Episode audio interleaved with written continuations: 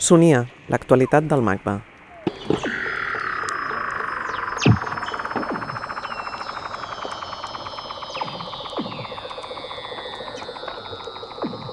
Alicia Kopf és una dibuixant que escriu i una escriptora que dibuixa.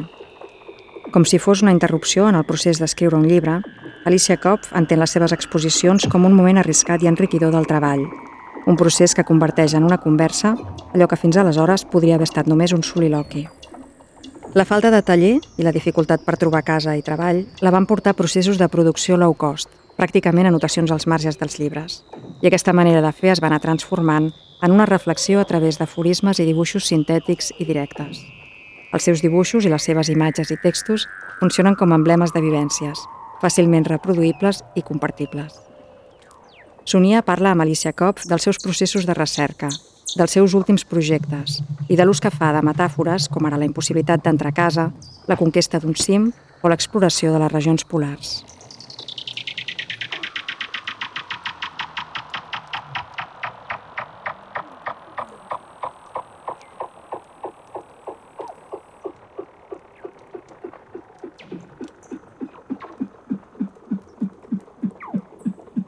Alicia Kopf és una personalitat, jo diria, creativa, força tirànica, de la qual Imma Avalos és una treballadora servil.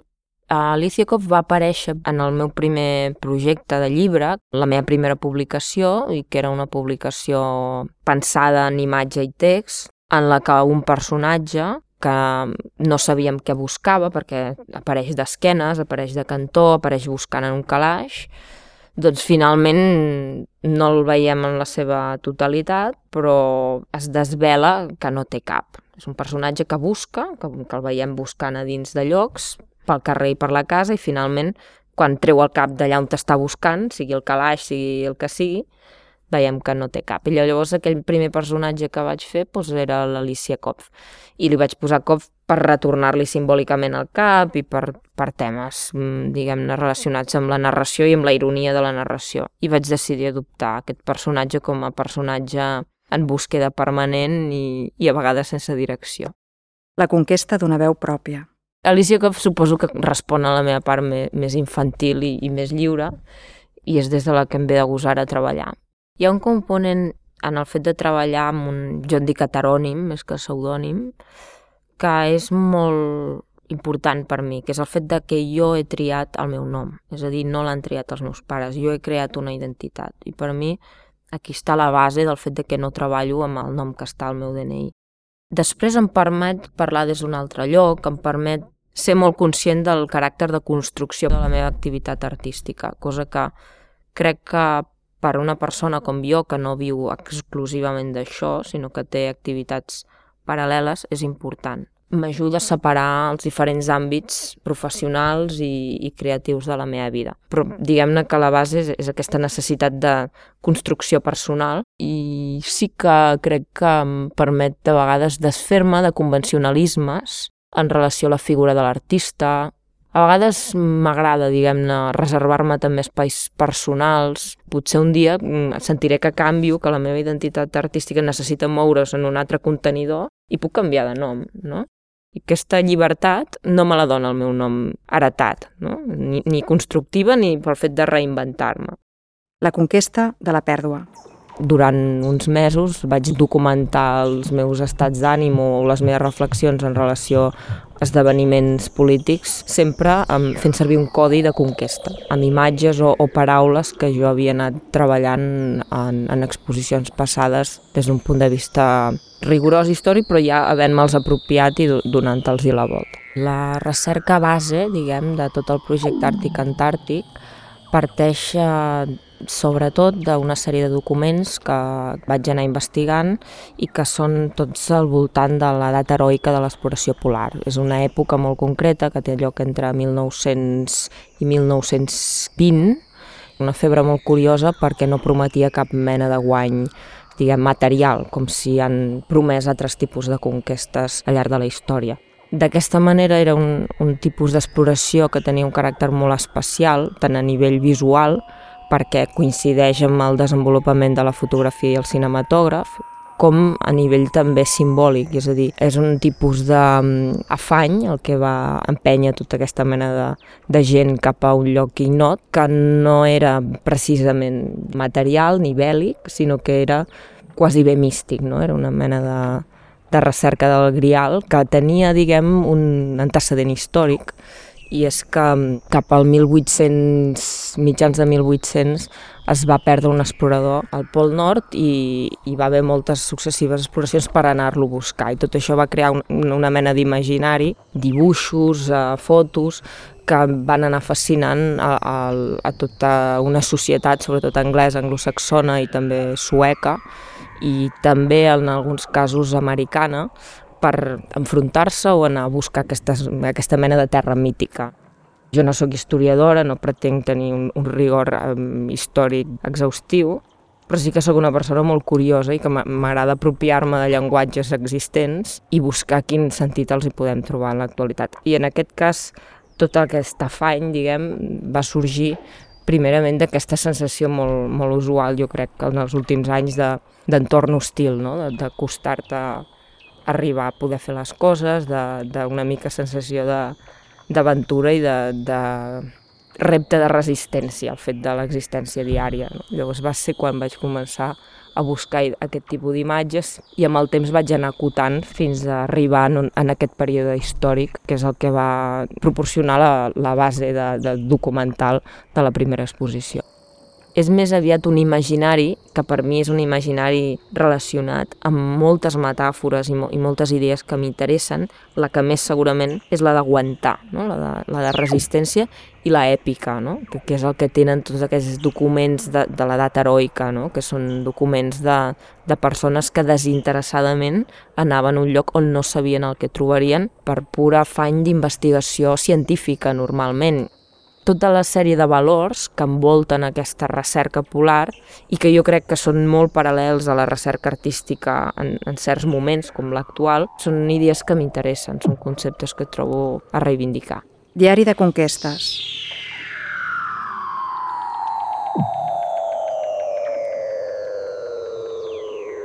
Diari de Conquestes és una de les exposicions que formen part del cicle Àrtic-Antàrtic i d'alguna manera vindria a ser com una mena de, de depuració de tot el contingut de, diguéssim, històric que, que jo he anat treballant i que es va mostrar en una exposició passada que era Seal Sounds Under the Floor que va tenir lloc a, a Joan Prats. És aquell pòsit que va quedar després de fer una investigació històrica intensa i treballar tota l'estona amb documents, vaig començar a fer una sèrie gràfica mm, a moda de diari i aquesta sèrie gràfica d'alguna manera sorgia més d'un impuls expressiu, diarístic, però jo ja havia assimilat completament tota la iconografia dels exploradors, dels conqueridors antàrtics i, i en general. Llavors ja mm, d'alguna manera natural m'expressava amb, amb tota aquesta mena de signes als quals donava la volta. Buscar referents per a una emoció, jo puc tenir una sèrie d'interessos en els quals la recerca de fons que jo faig es pugui assemblar molt a la que es fa dins del camp de les humanitats, diguem-hi, de les humanitats més literàries o fins i tot històriques. No? Jo sé que si trio un tema, per més que hi arribi de maneres intuïtives, faré una recerca exhaustiva de qui ha dit què més important sobre allò, quines són les veus que expressen unes opinions, quines són les altres, fonts directes, indirectes, etc. No? Llavors, jo puc manllevar aquest tipus d'investigació, però no conec tots els casos. Però sí que trobo enriquidor, en el meu cas, i, i important informar-se molt, bàsicament. I no per fer-ho d'una manera estricta o, o molt ordenada, que, que no és el meu cas, però sí en quantitat. Tot i que després els itineraris que un faci no seran lineals, potser seran circulars, seran, tindran altres formes, però almenys en el meu cas allò que em porta síntesis i per tant creacions d'una idea nova segurament és el fet d'incorporar en el sentit més material no? tot, tot un àmbit nou que jo no coneixia i que descobreixo doncs, a partir de la recerca. Tinc uns referents de base, que en el tema de les variacions i a nivell d'imatge poden ser Sol Lewitt o la relació imatge-text brossa, o Perec amb la part literària, però sí que en el cas d'Àrtic Antàrtic hi ha una sèrie de noms pels quals he passat i que m'han inspirat i que un dels primers va ser Moby Dick, perquè em va dirigir, hi ha un moment de la narració on, on el gel apareix i és important, i la idea aquesta de sota l'aigua també m'interessa bastant i allà vaig començar a buscar narvals, imatges. Llavors també m'interessava buscar com es feia servir la metàfora del glaç en la literatura i en el, i en el cinema. No? I en, en la literatura em va agradar molt un, un fragment de Casa Tomada, que era el diari de Alina Reyes, de Cortázar, on hi havia una dona que cada vegada que se sentia d'alguna manera angoixada, sentia com que li entrava gel per les sabates. No? Em va semblar molt interessant aquesta metàfora. Llavors també m'interessa molt com es fa servir la metàfora de, de l'iceberg emocional. Aquesta és la part potser més directament emocional del projecte, no? de, de l'home iceberg, que, de, que es menciona en una cançó de la Laurie Anderson, que també és un, un referent meu. Llavors jo anava buscant com es feia servir aquesta metàfora amb art i literatura i a partir d'aquí anava acumulant, però més per buscar allò clarament que jo volia dir i que clarament també hi ha un component de com gestionar una emoció i buscar referents per, per a aquesta emoció i després hi ha un component clarament intel·lectual i que té a veure amb la descoberta de nous coneixements que jo no tenia i que en aquest cas eren sobre l'exploració polar. Les conquestes individuals respecte de la memòria institucional en l'espai públic. Una reapropiació, quan em van contactar des del MACBA per participar en un moment, jo estava immers en el procés de, de diari de conquestes, que era un, un procés més gràfic. I em va semblar molt interessant, perquè tot i que d'entrada semblava un tema allunyat del que estava fent, de fet era un tema totalment afí, perquè estem parlant de, de conquestes i els monuments, molts han estat dedicats a, a grans conqueridors.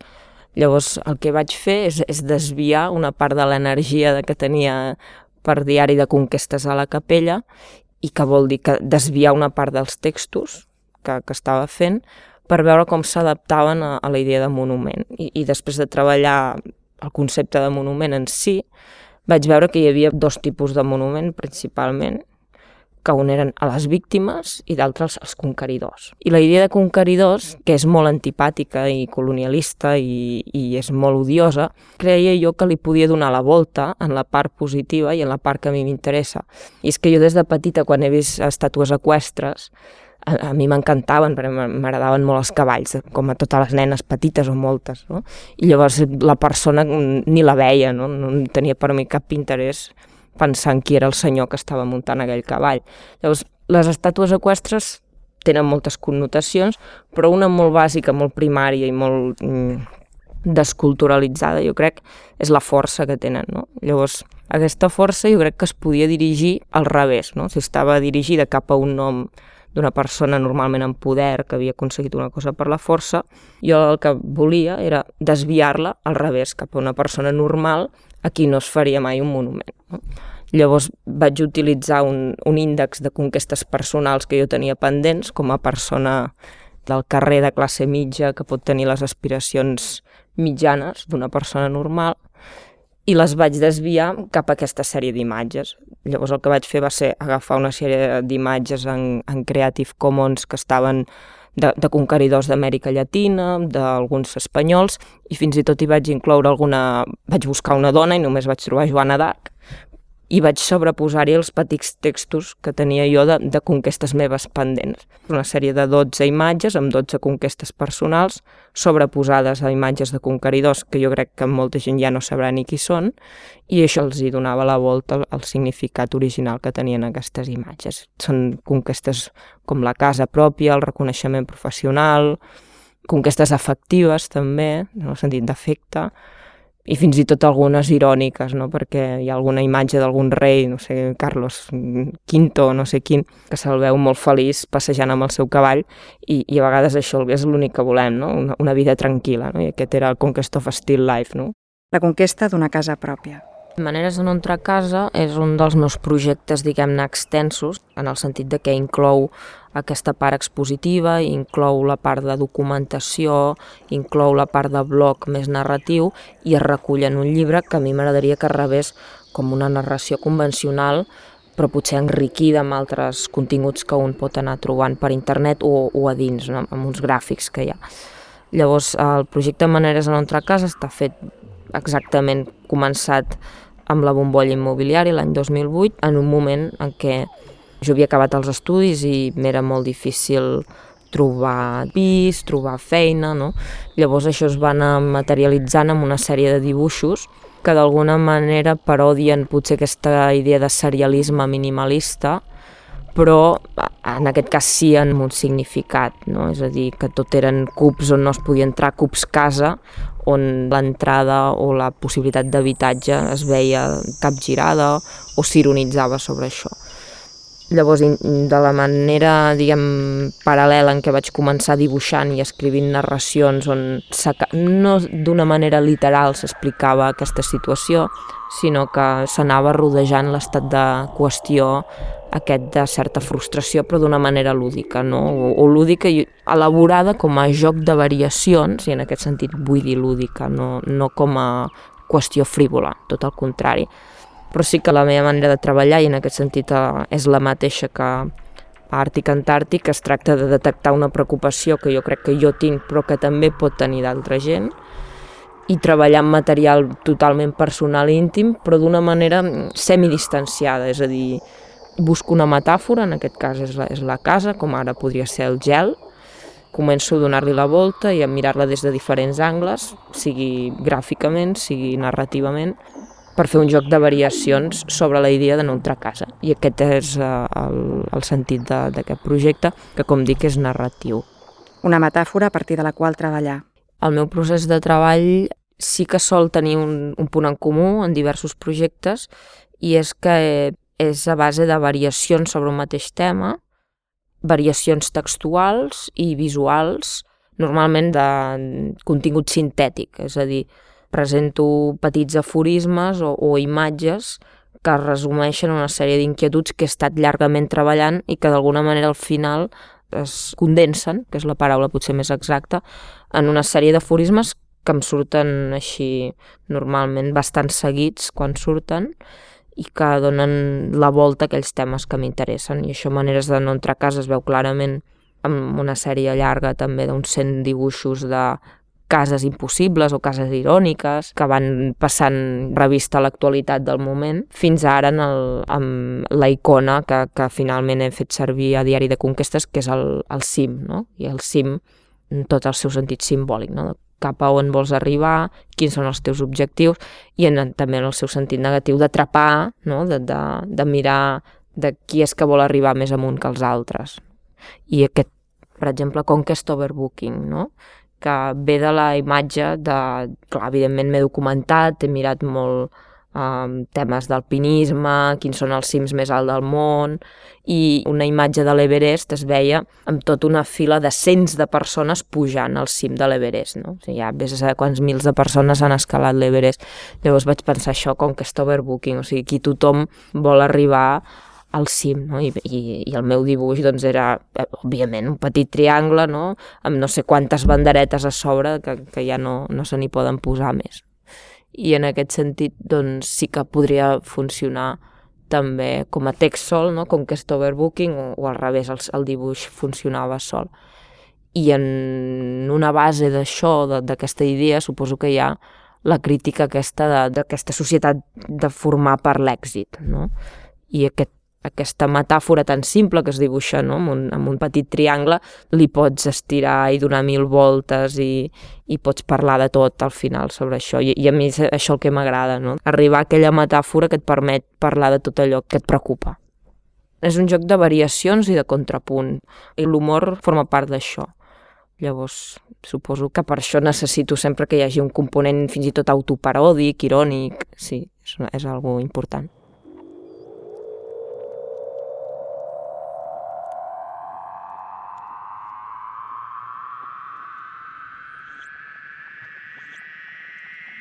Jo crec que hi ha un tipus d'obsessió que no té res a veure amb, amb el que s'anomena bogeria i que jo anomeno persistència en les idees, que vol dir que tu se't posa un, una cosa, una metàfora, en el cas dels artistes, o, o una cosa al cap, i tu tens molt clar que has de seguir estirant aquest fil, no? I això trobo que és una cosa molt pròpia d'investigadors que no cal que se'n vagin al pol, però, però això sí que m'interessa, no? la idea de que entra una metàfora o, o que pot ser un projecte en, el, en el teu cap i no pots deixar d'estirar de, aquell fil. No? I en aquest sentit els processos de, que fem són llargs i, i requereixen cert estat obsessiu, però que no, no té per què sortir de, de l'estat obsessiu que pot tenir una persona normal amb la seva feina.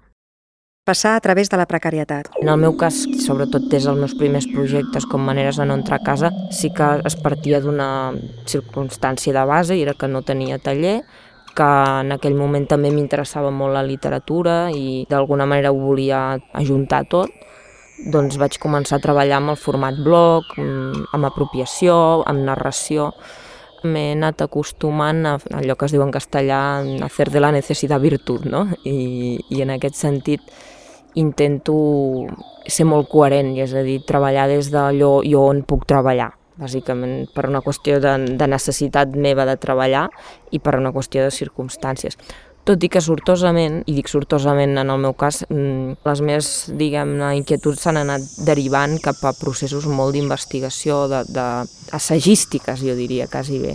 I això ha fet que els, els materials, diguéssim, i, i els espais perdessin importància a favor de, de processos, diguem, de recerca que podrien tenir més a veure estar tancada en una biblioteca, no? que, és, que és una cosa que sempre m'ha encantat, no tinc cap problema però això, processos molt low cost, que no vull fer un gran viatge per anar a veure un arxiu molt important. Si jo necessités veure un arxiu determinat i difícil que, al que jo no pogués arribar, segurament me l'inventaria. Per mi, sortosament, com que sóc artista, la veritat no és l'últim punt on vull arribar. És a dir, no, no vull descobrir l'últim document que no ha vist ningú, ni, ni dir alguna cosa que ningú hagi dit abans. Jo només vull donar la meva versió d'una cosa que segurament jo m'he inventat. Ja està. A mi em sorgeix molt clarament i esquemàticament el dibuix al cap i, i si cal em paro, entro en un bar, demano, demano un, un tovalló i el faig i me'l guardo, tot i que quasi sempre duc la llibreta. Llavors és una cosa d'anar amb la vida i a més a més el tipus de dibuix que, que faig servir en aquests casos i, i ja, ja s'ha vist en, en algunes de les meves publicacions és absolutament maldestre o, o volgudament naïf, no? tot i que tots els que hem estudiat Belles Arts tenim coneixements no? potser de, de dibuix clàssic, però en el meu cas no, no m'interessa elaborar les idees que són esquemàtiques. Llavors sí, és com, és com respirar una mica i, i com que són sintètics necessito fer les síntesis, per tant sí que apareixen després de lectures intensives o de processos intensius del que sigui, no? de recerca o emocionals o, o, o de diversos tipus. Una interrupció en el procés d'escriptura.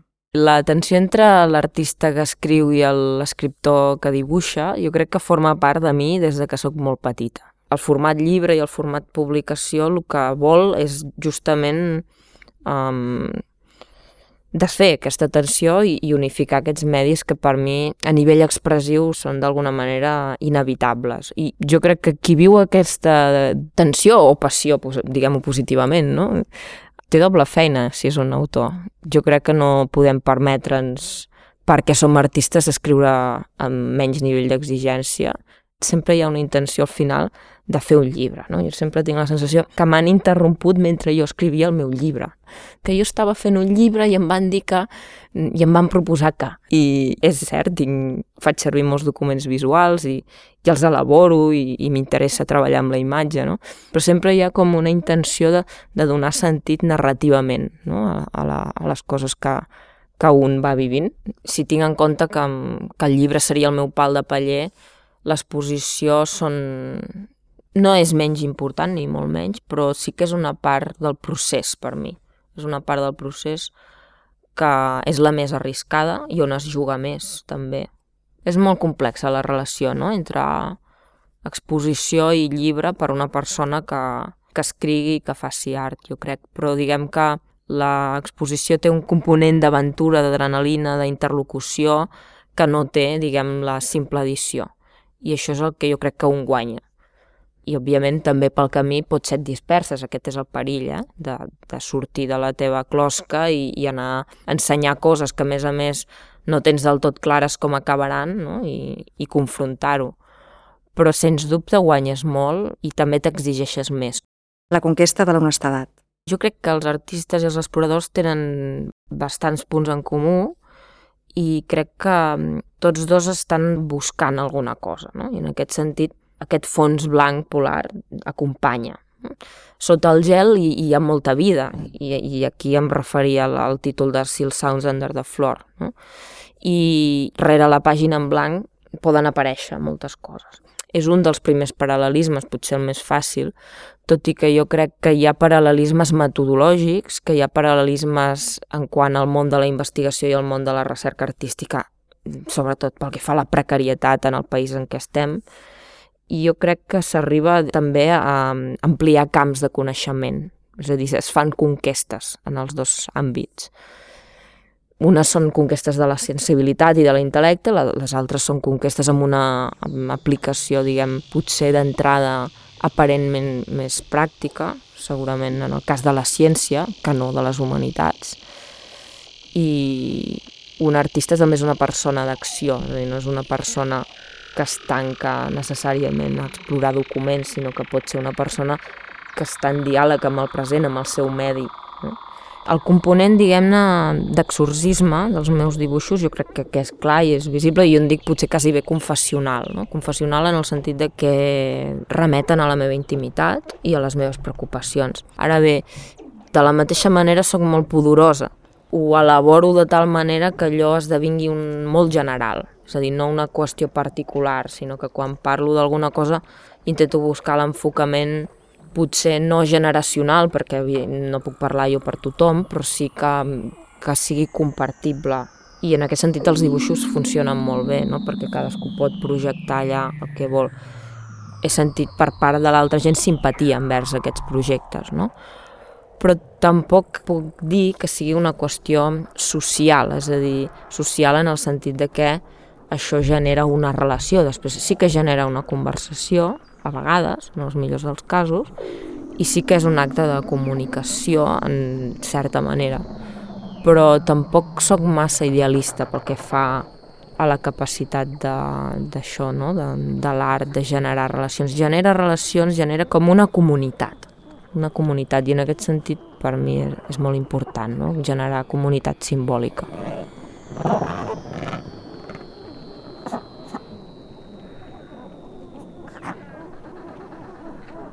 macba.cat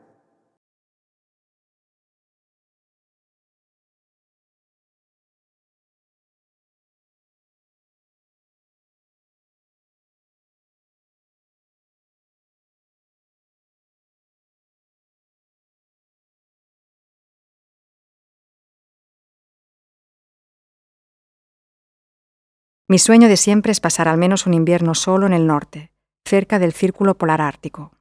Cualquiera puede hacerlo en verano, cuando el sol está alto. Pero yo quiero ir cuando el sol esté bajo, de verdad. Lo voy a hacer. Glenn Gould. La nieve me entra por los zapatos cuando Luis María baila conmigo, y su mano en la cintura me va subiendo como un calor a mediodía, un sabor a naranjas fuertes, a tacuaras chicoteadas. Y a ella le pegan, y es imposible resistir, y entonces tengo que decirle a Luis María que no estoy bien, que es la humedad, humedad entre la nieve que no siento y me está entrando por los zapatos. Julio Cortázar, Lejana, Diario de Alina Reyes, 20 de enero, Casa Tomada y otros cuentos.